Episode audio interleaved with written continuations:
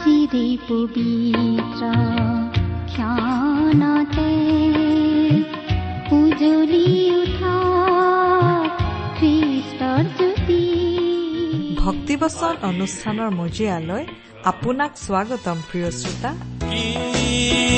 আচৰিত বন্ধু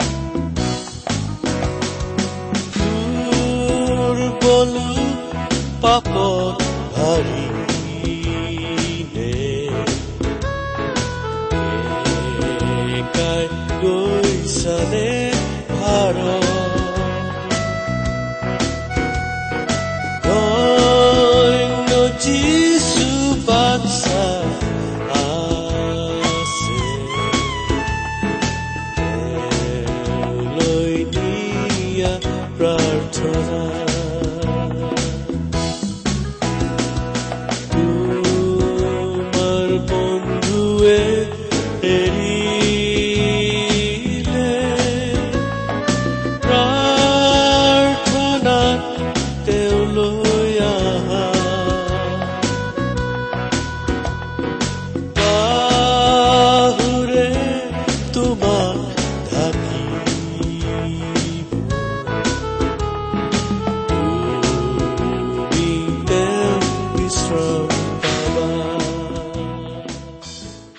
আমাৰ পৰম পবিত্ৰ প্ৰভু যীশুখ্ৰীষ্টৰ নামত নমস্কাৰ প্ৰিয় শ্ৰোতা।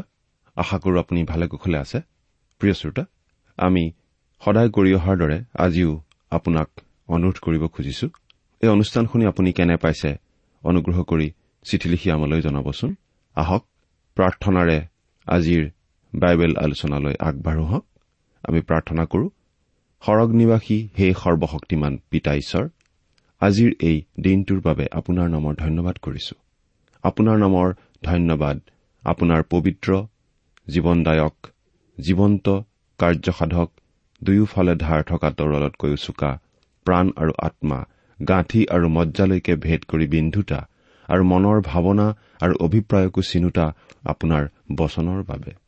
আপোনাত বিশ্বাস নকৰি কোনেও যেন পতিত নহয় সেয়ে আপোনাৰ বচনৰ প্ৰচাৰৰ যোগেদি আমাৰ অনেক শ্ৰোতাক আপোনাৰ সন্তান হবলৈ আপুনি সহায় আশীৰ্বাদ কৰক। পৰিত্ৰাতা প্ৰভু যীশুৰ নামত এই প্ৰাৰ্থনা অৰ্পণ কৰিছো। প্ৰিয় শ্ৰোতা আপোনাৰ নিশ্চয় মনত আছে যে আমি আজি কিছুদিনৰ পৰা বাইবেলৰ পুৰণি নিয়ম খণ্ডৰ হিতুপদেশ নামৰ পুস্তকখনৰ পৰা আমাৰ অধ্যয়ন চলাই আছো। যোৱা অনুষ্ঠানত আমি এই হিতুপদেশৰ ঊনৈশ নম্বৰ অধ্যায়ৰ শেষৰ পদটোলৈকে আমাৰ আলোচনা আগবঢ়াইছিলো।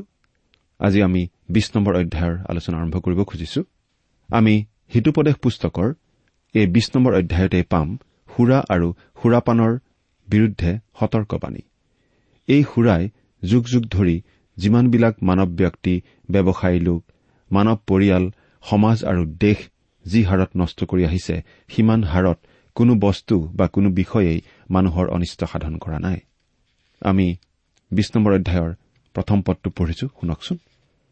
দ্ৰাক্ষাৰস নিন্দক আৰু সুৰা দণ্ড কাজিয়া কৰোতা যিকোনোৱে তাৰে মতলীয়া হয় তেওঁ জ্ঞানবান নহয়। প্ৰিয় শ্ৰোতা যিসকল মতলবী মানুহ মদ লাওপানী চাৰাপ বা সুৰা আদি পাণ কৰাৰ পক্ষত থাকে তেওঁলোকেও বৰ মনোযোগেৰে বাইবেলৰ পাত লুটিয়াই ফুৰে। কিবা আম্মিক হিতৰ অভিপ্ৰায়েৰেনে? নাই। বাইবেলে কৰবাত মদ সুৰা আদি পাণ কৰাৰ অনুমোদন জনাইছে নেকি? তাকে বিচাৰি তেওঁলোকে বাইবেলৰ পাত বৰ মনোযোগেৰে লুটিয়ায়। ইমান পাপিষ্ঠ তেওঁলোকৰ মন। ইমান ঠেক গন্ধীৰ চিন্তা তেওঁলোকৰ। ইমান লৰামতীয়া মন। ইমান অপৰিপক্ক ভাৱ ধাৰণাৰ বয়সপ্ৰাপ্ত বাচ্চা তেওঁলোক। বাইবেলখন খুলি জোহন দুই নম্বৰ অধ্যায় আৰু প্ৰথম তিমঠীয় পাঁচ নম্বৰ অধ্যায়ৰ তেইছ নম্বৰ পদটো বিচাৰি পায় আৰু কাষলতিত বাইবেলখন চেপি লৈ আহি বাইবেল পণ্ডিত হৈ পৰে। মদ সুৰাপান কৰিব পৰাৰ ওকালতি কৰেহি। বপুৰা পণ্ডিতসকলে কবই নোৱাৰে যে কান্নানগৰত প্ৰভুৱে পানীৰ পৰাহে তাৎক্ষণিক প্ৰয়োজনৰ কাৰণে দ্ৰাক্ষাৰস তৈয়াৰ কৰিছিল। খমীৰ আদি মিহলাই দ্ৰাক্ষা বা আঙুৰৰ ৰস টেঙা কৰি নিচা ধৰা জাতীয় সুৰা তেওঁ তৈয়াৰ কৰা নাছিল। তেতিয়াৰ সময়ত যিহুদীসকলৰ বিয়া অতি কঠোৰ ধৰ্মীয় নীতিৰে সম্পন্ন কৰা হৈছিল। এনে ধৰ্মীয় অনুষ্ঠানত খমীৰৰ নামকে ল'ব পৰা নগৈছিল।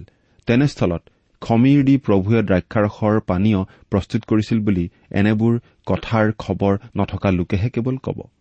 তাৰোপৰি পানীখিনি লগে লগে প্ৰয়োজনীয় পানীয়ৰ দৰে পাণ কৰিবলৈ বিলাই দিয়া হৈছিল।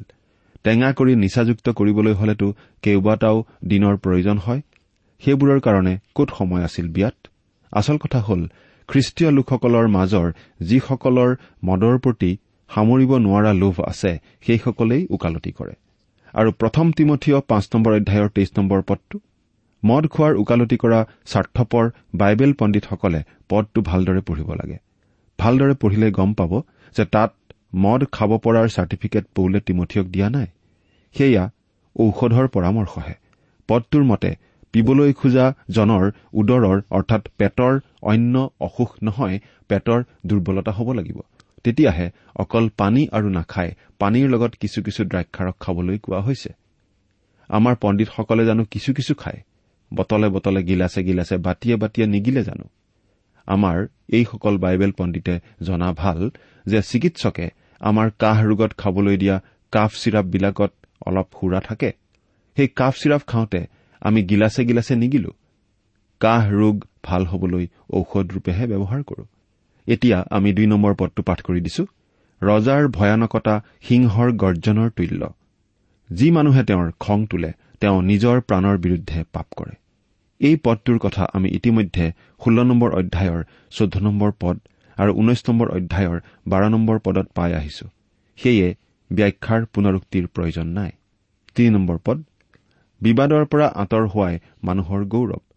কিন্তু প্ৰত্যেক অজ্ঞানে দণ্ড কাজিয়া কৰি থাকে। খ্ৰীষ্টীয় লোকৰ খ্ৰীষ্টীয় আচৰণৰ মাজত এটা সুন্দৰ আচৰণ হৈছে যাতে খং দণ্ড আৰু উদ্বিগ্নতাত থাকি নাথাকে।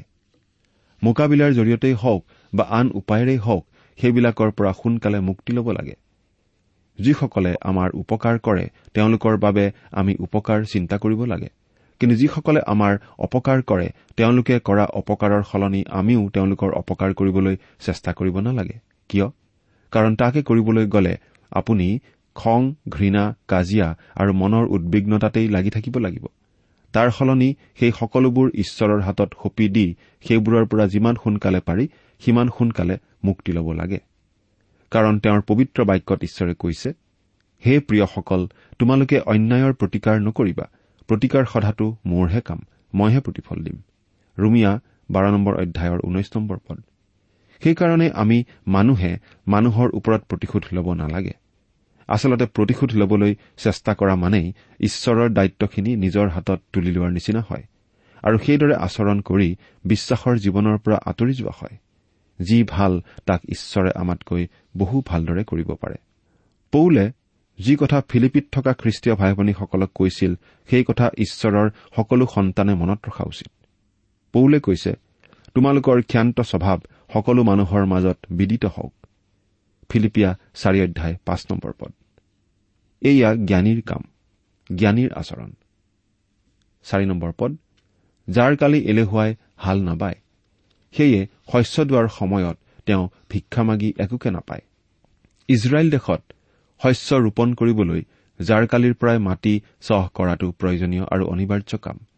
গ্ৰীষ্মকাল অহাৰ লগে লগেই তেওঁলোকে পূৰ্বৰে পৰা চহাই মাটিত শস্য ৰোপণ কৰাটোহে কাম। তেতিয়া আৰু মাটি চহোৱাৰ সময় নহয় কিন্তু জাৰৰ অজুহাত দি এলেহুৱাই যদি গ্ৰীষ্মকাললৈ বাট চাই থাকে তেওঁৰ শস্য ৰোপণ কৰা কেতিয়াও নহ'ব। ইয়াতো হাঁহিৰ খোৰাক অন্তৰ্নিহিত হৈ আছে। এজন মানুহৰ ঘৰৰ ছালৰ পৰা ঘৰৰ ভিতৰত বৰষুণ নিগৰি পৰিছিল। টিন এপাত ফুটিছিল।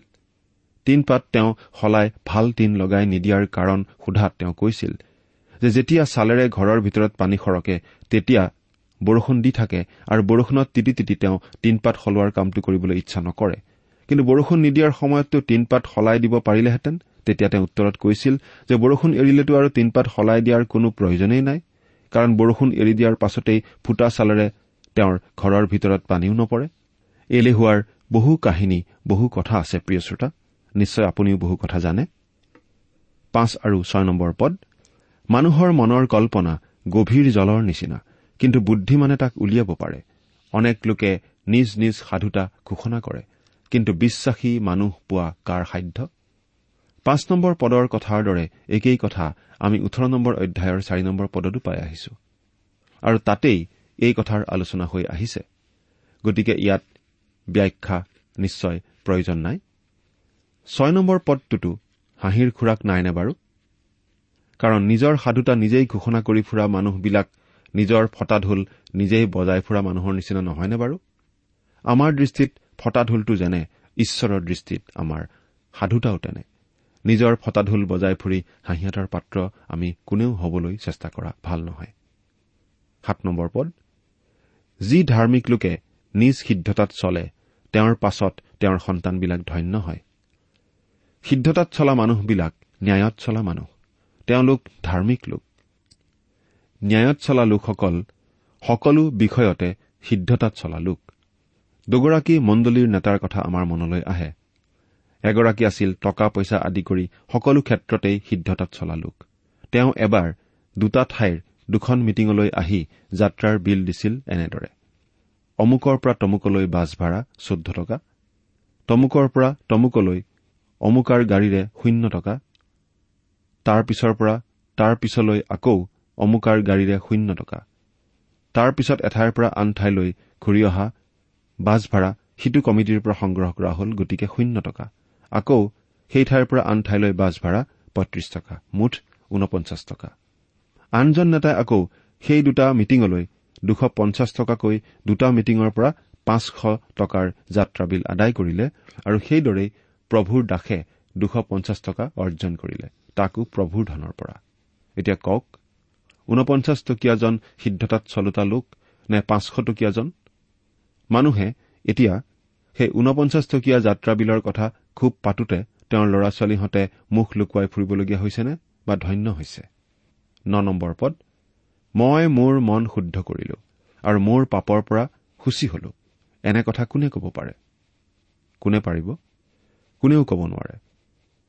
প্ৰথম জোহন এক অধ্যায় আঠ নম্বৰ পদত ঈশ্বৰৰ বচনে কৈছে যে এনে বুলি যদি কোনোৱে কয় তেন্তে তেওঁ নিজেই নিজকে ভুলায় আৰু ঈশ্বৰৰ সত্যতা তেওঁৰ অন্তৰত নাই। দহ নম্বৰ পদ। দুই প্ৰকাৰৰ দগা আৰু দুই প্ৰকাৰৰ ঐফা এই দুয়ো সমানে জিহুৱাৰ ঘীন লগা। ইয়াত দগা হৈছে ওজনৰ আৰু ঐফা হৈছে পৰিমাণ জোখমাখৰ আহিলা। ঠিক ওজনৰ এটাই দগা আৰু ঠিক জোখমাখৰ এটাই ফিতা থাকিব লাগে। মানুহৰ এক নম্বৰী খাতা আৰু এক নম্বৰী অভিপ্ৰায়েই মাত্ৰ থাকিব লাগে। কোনো দুই নম্বৰী খাতা বা দুই নম্বৰী অভিপ্ৰায় বা ধান্দা থাকিব নালাগে। মানুহৰ যত দুই নম্বৰী আছে সেই সকলো ঈশ্বৰৰ দৃষ্টিত ঘীনলগীয়া। এঘাৰ নম্বৰ পদটো পাঠ কৰি দিছো। ল'ৰাৰ কাৰ্য শুদ্ধ কি সৰল তাক বুজিবৰ নিমিত্তে সিও নিজ কাৰ্যৰ দ্বাৰাই নিজকে চিনাকি দিয়ে। ল'ৰাই হওক বা ছোৱালীয়েই হওক বৃদ্ধই হওক বা বৃদ্ধাই হওক প্ৰভুৱে কৈছে কোন কেনেকুৱা তাক ফলৰ দ্বাৰাই জানিবা। মুঠিয়ে লিখা শুভবাৰ্তা সাত নম্বৰ অধ্যায়ৰ বিশ নম্বৰ পদত আমি এনেদৰে পাওঁ। আমাৰ অসমীয়াতো এষাৰ কথা আছে বোলে আপোনাৰ আচৰণেই আপোনাৰ পৰিচয়। এই পদটোৱে আচলতে সেইটোকেই বুজাইছে। বাৰ নম্বৰ পদ শ্ৰৱণকাৰী কাণ আৰু দৰ্শনকাৰী চকু এই দুয়োকো সৃষ্টি কৰিলে। আপুনি আপোনাৰ মগজু ব্যৱহাৰ কৰক। সেইটোৱে ইয়াৰ আচল অৰ্থ। ঈশ্বৰে আপোনাক কাণ দিছে আৰু ঈশ্বৰে আপোনাক চকু দিছে। চাওক ভালদৰে চাওক। শুনক ভালদৰে শুনক। কেৱল ৰেলৰ লাইন পাৰ হবলৈকেই নহয় কিন্তু আপোনাৰ দৈনন্দিন জীৱনতেই সাৱধানে বাট বোলক। সজাগ সচেতনে আগবাঢ়ক। গোটেই হিতুপদেশ পুস্তকতেই আমি দেখিছো যে নীতিবচনসমূহত দুটা ভাৱ আছে। প্ৰথমটো হৈছে যে আমি কোনেও ক'ব নোৱাৰো যে আমি সম্পূৰ্ণ শুদ্ধ সিদ্ধ। পাপত পতিত হোৱা মানুহ স্বাভাৱিকতেই পাপী। সেইকাৰণে সেই পাপী মানুহক পাপৰ পৰা ত্ৰাণ কৰিবলৈ এগৰাকী পৰিত্ৰাতাৰ প্ৰয়োজন হ'ল। পুৰণি পাপী মানুহ নতুন মানুহ হবৰ প্ৰয়োজন হ'ল। তেওঁক নতুন জন্মৰ প্ৰয়োজন হ'ল। যীশুৱে সেয়ে এগৰাকী ধৰ্মীয় নেতাক এনেদৰে কৈছিল মই তোমাক অতি স্বৰূপকৈ কওঁ যে নতুনকৈ জন্ম নাপালে কোনেও ঈশ্বৰৰ ৰাজ্যত প্ৰৱেশ কৰিব নোৱাৰে। জোহন তিনি নম্বৰ অধ্যায়ৰ তিনি নম্বৰ পদ। ধৰ্মীয় নেতা সেই নেতা সেই নিকদিম যেতিয়ালৈকে প্ৰভুৰ ওচৰলৈ অহা নাছিল আৰু তেওঁত বিশ্বাস স্থাপন কৰি তেওঁক তেওঁৰ জীৱনৰ পৰিত্ৰাতা আৰু প্ৰভুৰূপে গ্ৰহণ কৰা নাছিল তেতিয়ালৈকে তেওঁৰ নতুন জন্ম হোৱা নাছিল। তেতিয়ালৈকে তেওঁ পৰিত্ৰাণৰ ভাগি হোৱা নাছিল আৰু ধাৰ্মিকতাৰ বস্ত্ৰ তেতিয়ালৈকে তেওঁ পৰিধান কৰিব পৰা নাছিল। কেতিয়া আহিল বিশ্বাস কৰি গ্ৰহণ কৰিলে? সেই কথা আমি বাইবেলত পাইছো। আৰু তেতিয়া তেওঁ খ্ৰীষ্টৰ পৰিত্ৰাণ লাভ কৰিলে আৰু ধাৰ্মিকতাৰ বস্ত্ৰ পৰিধান কৰি ঈশ্বৰৰ সন্তান হ'ল। জোহন এক অধ্যায় বাৰ পদত আমি এই কথা পাওঁ যে আমি এনেকৈ ঈশ্বৰৰ সন্তান হ'ব পাৰোঁ। কিন্তু তাৰ পাছতো পাপৰ যি শক্তি আৰু প্ৰভাৱ সি আমাৰ সোঁৱে বাওঁৱে আৰু আগে পাছে সকলোফালে থাকে। সেয়ে দ্বিতীয়তে আমি নীতিবচনসমূহত পাইছো যে আমি সাৱধানে জীৱনৰ বাট কুৰি পাব লাগে সজাগে সচেতনে সন্মুখৰ বাটত আগবাঢ়ি যাব লাগে। ঈশ্বৰে আমাক চকু আৰু কাণ দিছে। ৰব লাগে চাব লাগে শুনিব লাগে আৰু সাৱধানে সজাগে সচেতনে ঈশ্বৰৰ সন্তানৰূপে জীৱনৰ এই পথৰ পথিক আমি হ'ব লাগে। সেইটোৱেই এই পদটোৰ অৰ্থ। তেৰ নম্বৰ পদ নিদ্ৰাত আসক্ত নহবা হলে তুমি দৰিদ্ৰ হবা। তুমি চকু মেলা তাতে খোৱা বস্তুৰে তৃপ্ত হবা। ইয়াত আচলতে যোৱা কাম কৰাগৈ পৌলে থিচলেনিকীয় খ্ৰীষ্টীয় ভাই ভনীসকলক কৈছিল কিয়নো কাম কৰিবলৈ যদি কোনোবাই অসন্মত হয় তেন্তে তেওঁ আহাৰো নকৰক। দ্বিতীয় থিচলেনিকীয়া তিনি অধ্যায় দহ নম্বৰ পদ।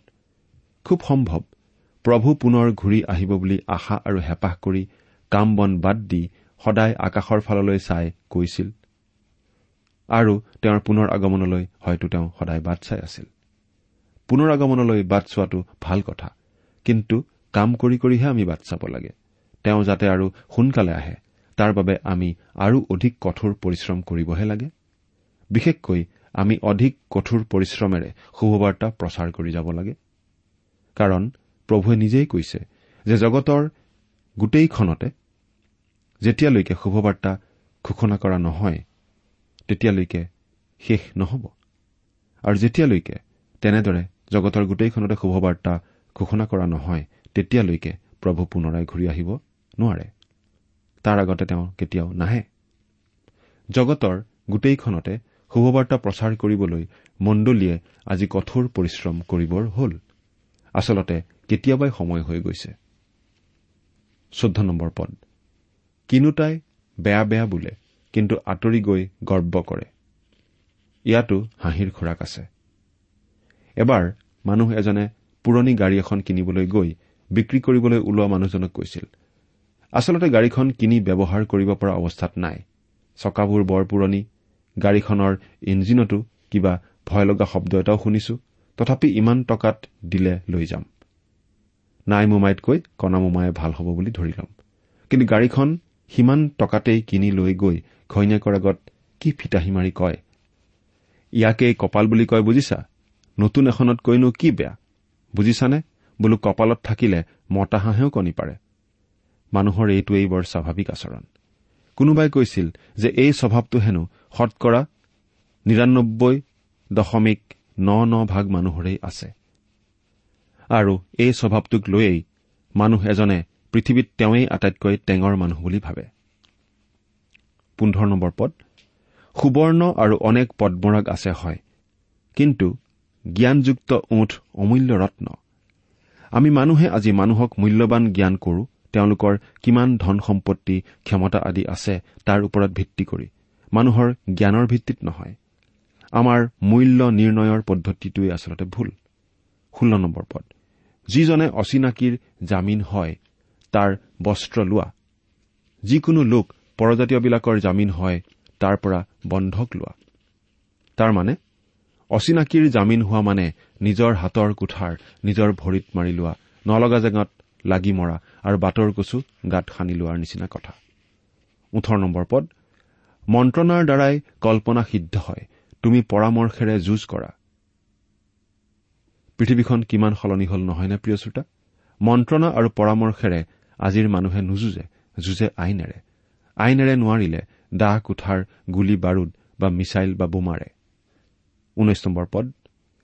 পৰচৰ্চাকাৰীয়ে গুপুত কথা প্ৰকাশ কৰে। এই হেতুকে যিজনে নিজ মুখ বহলকৈ মেলে তাৰে সৈতে ব্যৱহাৰ নকৰিবা।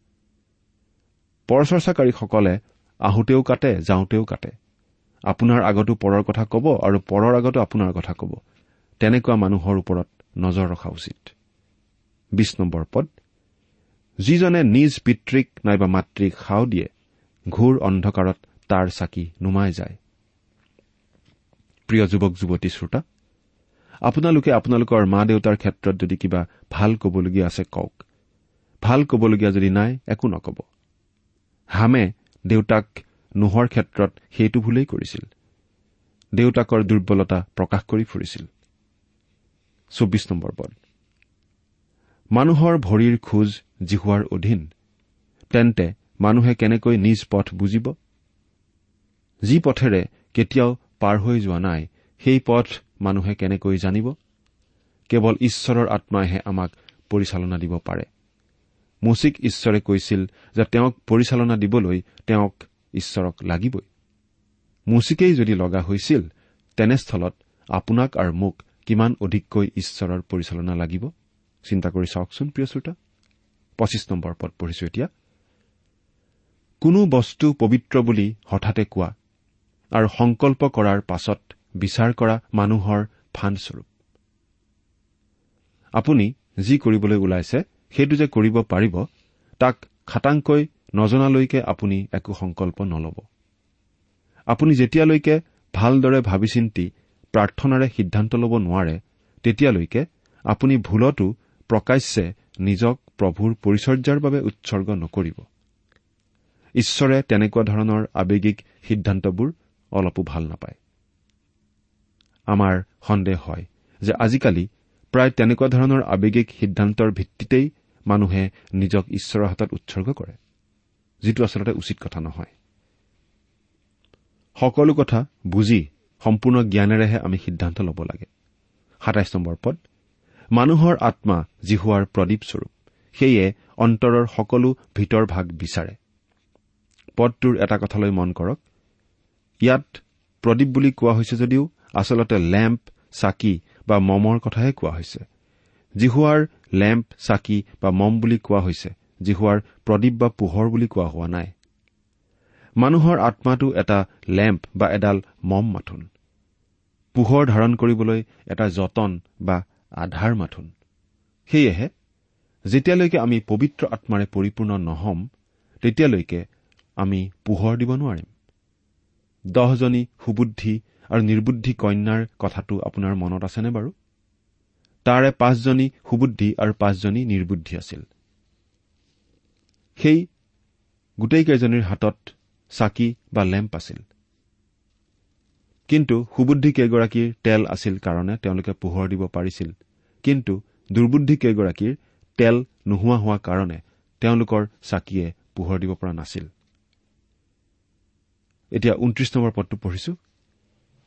যুৱকসকলৰ বলেই তেওঁলোকৰ শোভা আৰু পকা কেশ বৃদ্ধ লোকৰ ভূষণ। এই পদটোৰ মতে যি পৰামৰ্শ আমাক দিয়া হৈছে সেই পৰামৰ্শটো এনেকুৱা ধৰণৰ। বয়স অনুসাৰে আচৰণ কৰা। যুৱক যুৱতীসকলে যেনেকুৱা ধৰণৰ ব্যৱহাৰ বা আচৰণ কৰে পকামূৰীয়াসকলে তেনেকুৱা ধৰণৰ আচৰণ নিশ্চয় কৰিব নালাগে। পকামূৰীয়াসকল এনে পৰামৰ্শ জ্ঞান আৰু মন্ত্ৰণাৰ আধাৰ হ'ব লাগে যিবোৰৰ দ্বাৰা মানৱ সমাজৰ মংগল হয়। ঘাঁ লগোৱা প্ৰহাৰে দুষ্টতা মাজি গুচায় আৰু চেকনিৰ কোব অন্তৰৰ নিচেই ভিতৰলৈকে যায়। ঘাঁ প্ৰহাৰ আৰু চেকনি শাৰীৰিক কথাটো খাটে আৰু আম্মিক কথাটো খাটে। শাৰীৰিক ঘাঁ প্ৰহাৰ আৰু চেকনিৰ দ্বাৰাই মূৰ্খৰ চেতনা আহে। আম্মিক ঘাঁ প্ৰহাৰ আৰু চেকনিৰ দ্বাৰা জ্ঞানী লোক সুস্থ হয়। প্ৰিয় শ্ৰোতা আজিলৈ ইমানতেই সামৰিছো। পৰৱৰ্তী অনুষ্ঠানত আপোনাক পুনৰ লগ পোৱাৰ আশা ৰাখিছো। আজিলৈ ইমানেই। ঈশ্বৰ আমাৰ সকলোৰে সহায় হওক। আহমেদ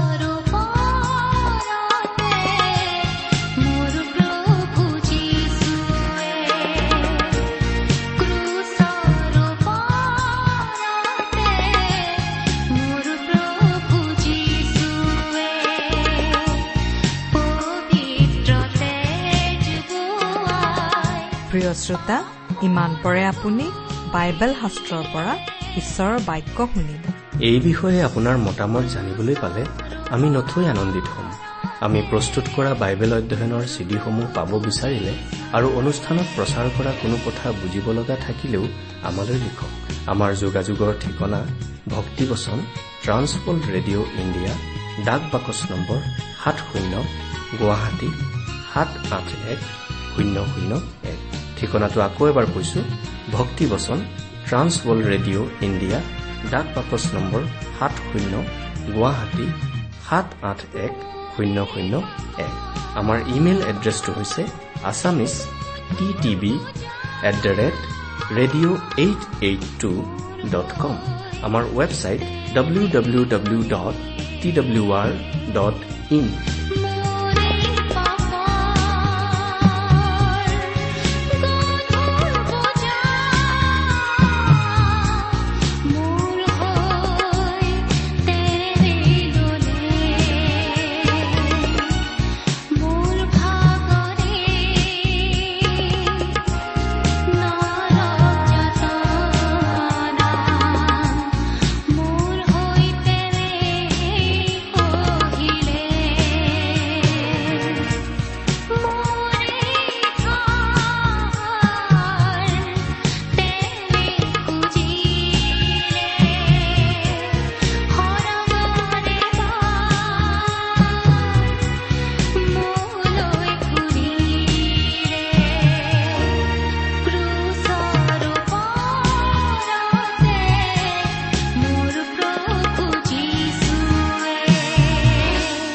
আপুনি টেলিফোনৰ মাধ্যমেৰেও আমাক যোগাযোগ কৰিব পাৰে।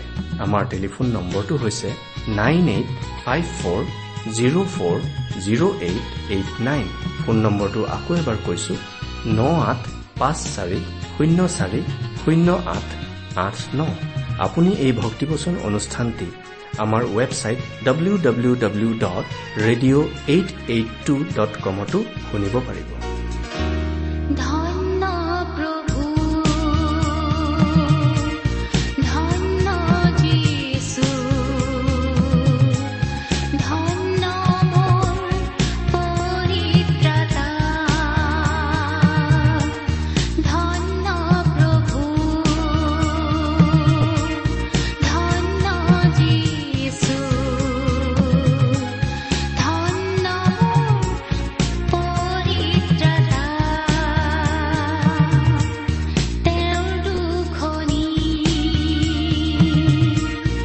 আজিৰ অনুষ্ঠানটি ইমানতেই সামৰিছো।